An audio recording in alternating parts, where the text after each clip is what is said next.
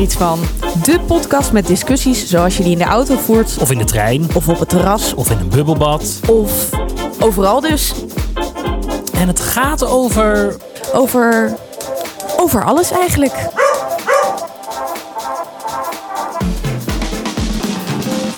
Hallo lieve mensen, het is een uurtje na de persconferentie en uh, wij vinden het wel tijd voor een in quarantaine journaal nummertje 23, 24? Wat is het Ben? 24 denk ik.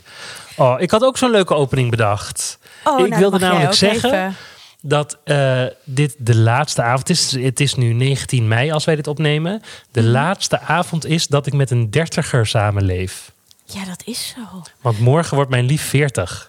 Nou, ik zal je eens wat vertellen over wat is het, 3,5 uur? Wordt jouw lief 40? Ja, het is bizar. Ja, of is ze echt eh, om eh 1 minuut voor 12? Mag je niet vragen, weet ik niet.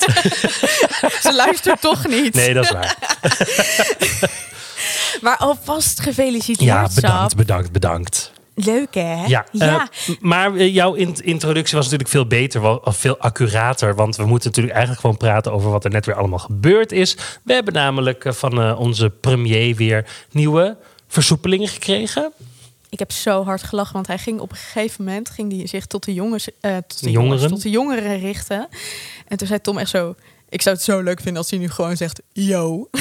toen, kon ik, toen kon ik het niet meer serieus Nee, nemen. dat zou wel heel leuk zijn geweest. Dat zou wel echt hilarisch zijn Ja. geweest. Maar niks nieuws eigenlijk onder de zon, toch? Nou, dat is niet helemaal waar. Eh, ik vond het op twee, eh, twee, eh, om twee redenen heel positief.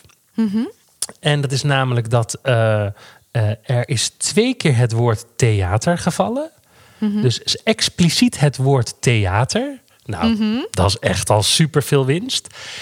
en ehm, het blijkt dus nu dat we in die 30 man samenleving in het theater, dat dat exclusief personeel is. Dat is zo fijn. Ja, dus dat betekent dat je dus nu 30 kaartjes mag verkopen in plaats van eh, dat je Precies. eh, eh, 25 kaartjes maar kan verkopen of zo. En dat geldt straks ook voor de 100 natuurlijk. Nou ja, dat is een beetje waar ik eh, eh, op, op, op vooruit eh, speculeer, ja. Maar dit is bijvoorbeeld, ik denk meteen aan Tapas Theater in Amsterdam. Is Mhm. dit al heel erg fijn? Want ik geloof dat zij in totaal 22 kaartjes Ja. konden gaan verkopen. Of daar, dat, dat was reëel. Ja. En ehm, misschien is dat qua ruimte nog steeds hoor. Want het is een heel klein theater. Trouwens echt de moeite waard om heen te gaan. Ze Zeker. gaan vanaf 1 juni open. Ehm, maar ja, dit soort, dit soort... Vijf kaartjes zijn in deze tijd wel veel. Ja, heel, heel, heel. Daarom. Dus nou, wat leuk. Daar word ik wel vrolijk van. Ja, maar ja, op een of andere manier was het voor mij niet dat ik denk van er is echt iets gezegd waarvan ik denk, oh, Nee, maar dat was ook niet de bedoeling. Het was eigenlijk Nee. alleen maar wat we hebben aangekondigd, blijken we waar te kunnen maken. Dat is wat er gezegd is. exact. En ehm, ik merkte dus heel erg, iedereen had het de hele tijd over deze persconferentie, maar eigenlijk is vorige week bekendgemaakt wat we allemaal wilden weten. Ja. Dus ja, zo, zo groot was het niet. Maar, Maar ik was wel weer een beetje zenuwachtig. Is jou wat anders opgevallen? Er kwam een tweede doof, eh, doventolk. Ja, daar kwam Ja. een tweede. Wat is daar Waarom? aan de hand? Ja, Ik wil het ook weten. want ik... Kijk, een aantal opties zijn er volgens mij mogelijk. Optie Ja. 1 is dat zij zegt... ik kan niet langer dan een half uur tolken. Dus dan moet er een tweede tolk komen. Maar er is natuurlijk al... Zij heeft het al vaker langer dan een half uur gedaan. Dus misschien heeft ze van de dove tolkenorganisatie op de flikker gekregen... dat ze na een half uur niet meer zo goed en scherp was. Ah, Dat is ja, optie zou één. kunnen. Ja. Optie 2 is dat zij zegt: eh, Sorry, maar ik moet vanavond echt om half acht naar huis. Want ik moet eh, het eten klaarmaken voor mijn man. Of eh, mijn kind moet op tijd naar bed. Of mijn kind is jarig. Of, dat kan natuurlijk ook, dat er een privé Nou, laten we hopen is. dat het iets leuks is. Dat Ja, er niet iets ernstigs aan de hand Ja. is. Maar ik vond wel, dat ging heel mooi soepel in elkaar over. Het werd even we wisselen even van tolk, hop, en we gingen door. En dat zag was, je Rutte ook? Die deed echt zo'n knikje zo. ja, zo van bedankt. Hoe heet ze ook alweer? Oh, kak, dat had ik nou heel graag willen weten. hè? Hij heeft het Maar zelf namelijk het gezegd. Oh nee, eh, Dingetje heeft het gezegd. Xander van der... Van, van Nee, de, Hugo de Jonge. Toch? Nee, die zei eh, Xander, zeg maar vlak voor de, eh, dat het dan echt begint. Dan Mhm. eh, was eh, Xander van der Wulp, heet hij zo?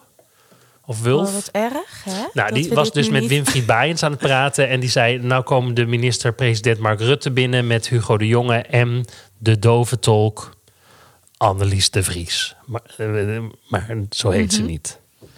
Weet je wat ik heel grappig vind? Ondertussen verschijnt een pop-upje op mijn eh, scherm hier.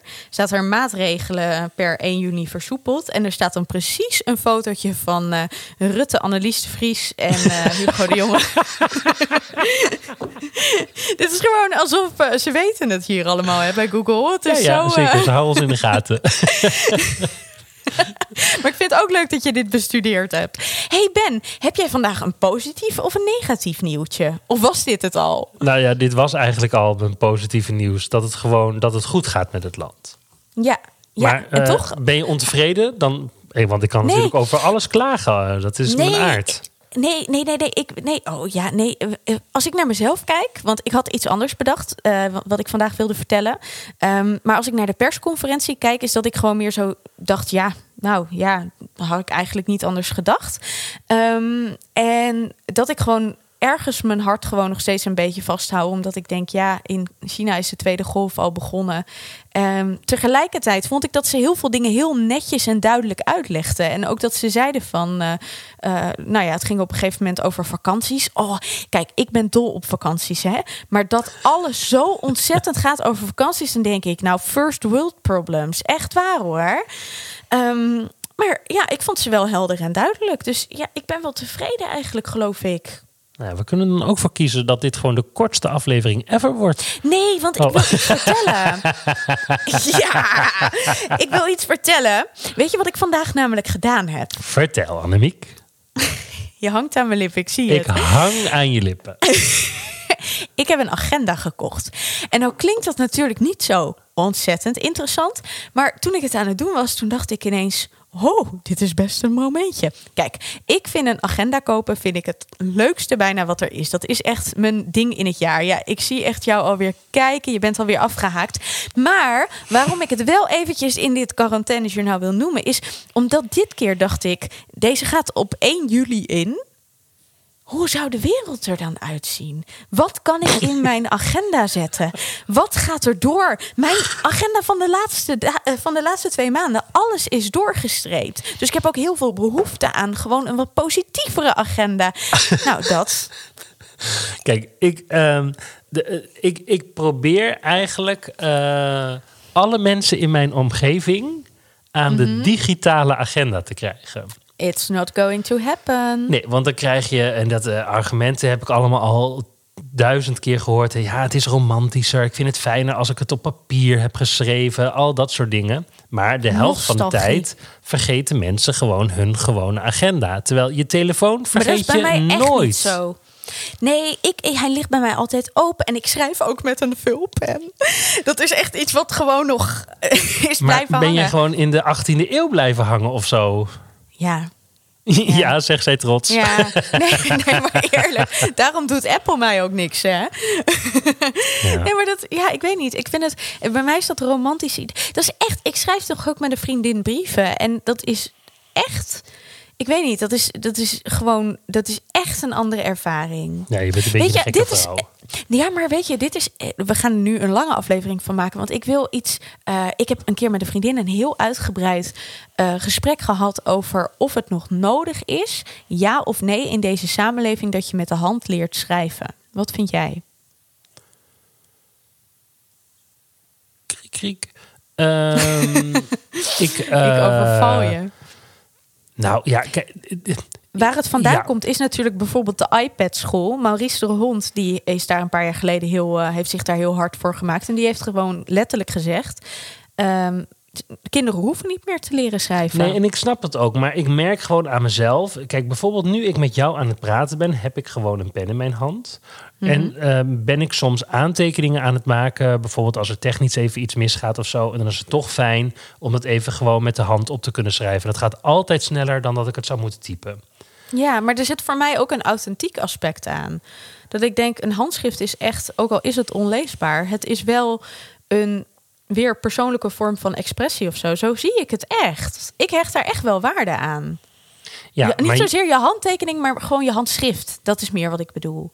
Ja, maar dat snap ik. Dus eh, Ja. mm, Nou ja, ik zou het heel zonde vinden in de toekomst. Ja, maar er zijn dus echt mensen die zeggen van zo'n handschrift is gewoon niet meer nodig in de nou, toekomst. het is wel zo dat als ik eens in de honderd jaar dat ik een Sinterklaasgedicht moet schrijven met de hand of een liefdesbrief naar mijn liefste, eh, dat ik na twee dagelijks, regels toch?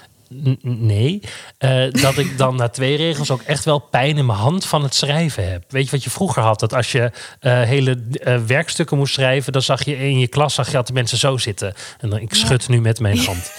Ehm, dus eh, ja, ik denk dat- dat ik echt een beetje in de 18e eeuw ben blijven hangen. Want bijvoorbeeld als ik iets moet presenteren, ik schrijf bijvoorbeeld dan een inleiding, dan schrijf ik het ook altijd met de hand op. Want dat is gewoon, ik heb dat met colleges en zo ook altijd gedaan toen ik nog naar de universiteit ging, omdat je onthoudt het beter. En ik vind het heel fijn. Op een of andere manier, als ik ga presenteren, ik hoef maar een paar steekwoorden opgeschreven te hebben. Maar als ik het dan echt opgeschreven heb, weet ik altijd precies wat ik ga vertellen. Denk je dat de brieven van eh, eh, Hugo de Jonge en van Mark Rutte ook met de hand geschreven zijn, de persconferenties? Ik vind dit, ja, ik vind iets van deze vraag. Volgens mij wil jij door naar de overlevingstips. Ondertussen ruikt het hier een beetje branderig. Ik hoop, nee echt, ik, hoop, ik, Tom, ruik jij het ook? Tom die heeft helemaal niks door. Maar ik hoop dat het niet mijn microfoon is. of mijn Lenovo laptop. Goed, we gaan naar de overlevingstips. Oh, dat zou toch wat zijn dat je Lenovo nou in de fik staat? Ja, dat zou toch wat zijn. Maar dat is vooral omdat deze opname dan verloren gaat. Ja, maar ja, ik heb hem ook altijd zelf nog opgenomen. Hè? Dat is ook zo. Anyway, laten we onze luisteraars niet de hele tijd vermoeden, eh, v- vermoeien met al onze eh, huistuin- en keukenproblemen.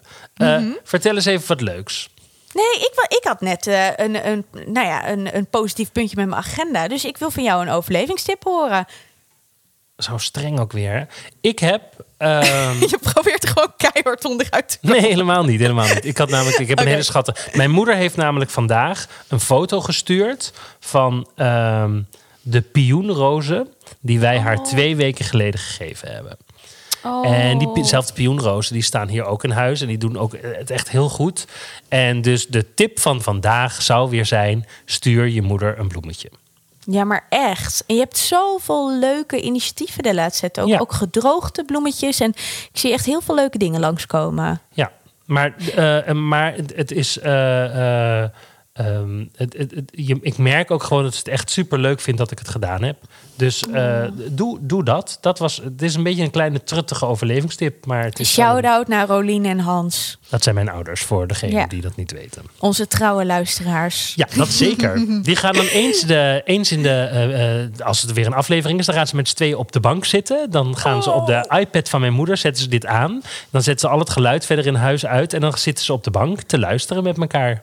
Oh, dat vind ik zo lief. Ja, hè? En, en wat vinden ze er allemaal van? Ja, nou ja, kijk, eh, zij vinden jou natuurlijk super hysterisch, maar wel zo schattig. Goh, wat een verrassing. Eigenlijk wat iedereen vindt. En eh, ze vinden het heel vermakelijk. Tenminste, dat denk ik, want anders zouden ze wel stoppen met luisteren. Oh, daarover gesproken.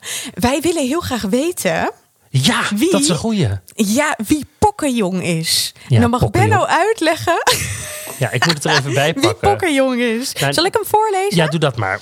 Nee, ik ga eerst even uitleggen. Want ik heb namelijk de vorige keer jullie gesmeekt ongeveer om een recensie eh, te schrijven. Of in ieder geval sterretjes te geven. Eh, want dat helpt echt. Ik herhaal het nog maar een keer. En nu heeft Pokkenjong ons dus een recensie geschreven op iTunes. Dus ten eerste willen we enorm bedanken daarvoor. Ik ben verliefd op je Pokkenjong. Precies. Maar we willen ook heel graag weten wie het is. Dus eh, meld je even bij Annemiek. Ik vind er iets van.nl. Ja, want het is zo'n leuke recensie. Er Lees hem staat even voor. top. En dan staat er, dat is de titel, en dan staat er superleuke podcast. Deze tovert regelmatig een lach op mijn gezicht. Hilarische, maar ook zeer serieuze discussies en alles wat er tussenin zit.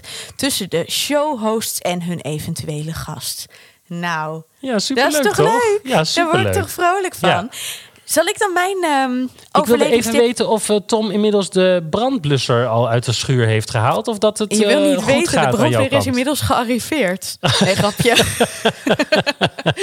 nee, het wordt weer wat minder. Dus ik neem aan dat het gewoon een barbecue'tje of Nou, zo in de buurt zijn. was. Ja. Laten we het hopen. Ja. En anders dan eh, hoor je vanzelf als ik over een paar dagen niet opkom dagen. Dat, eh, Ehm, vertel, Annemiek.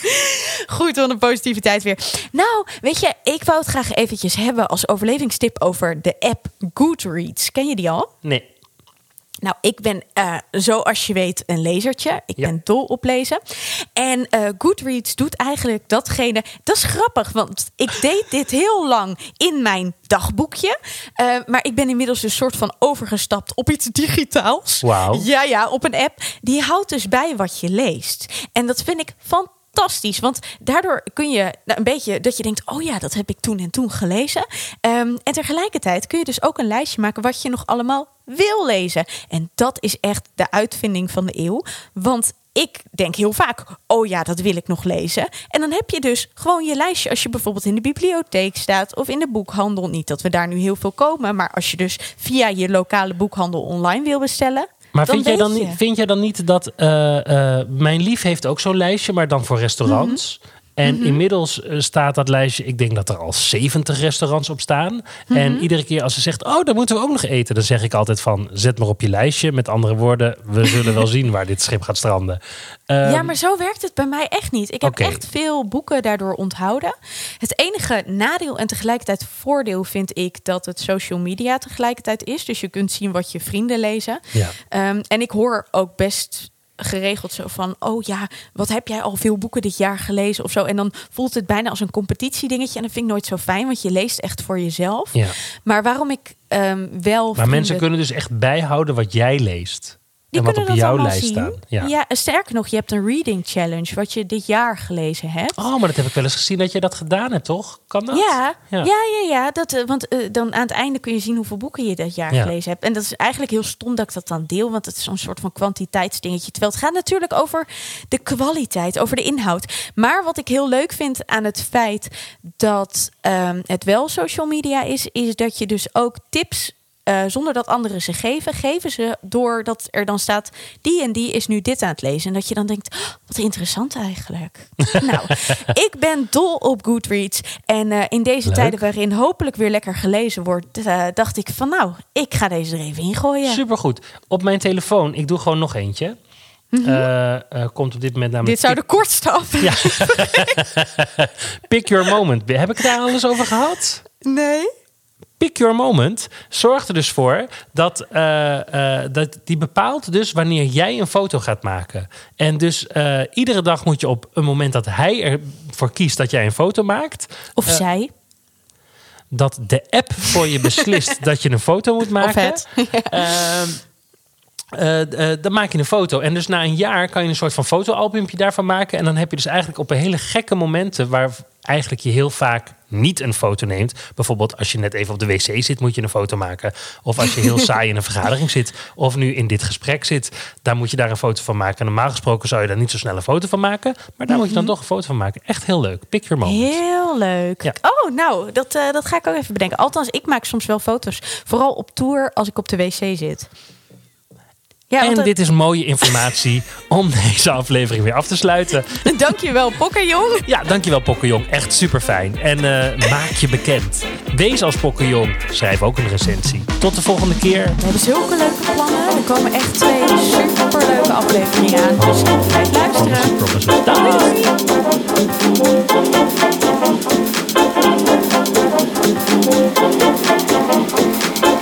Doei.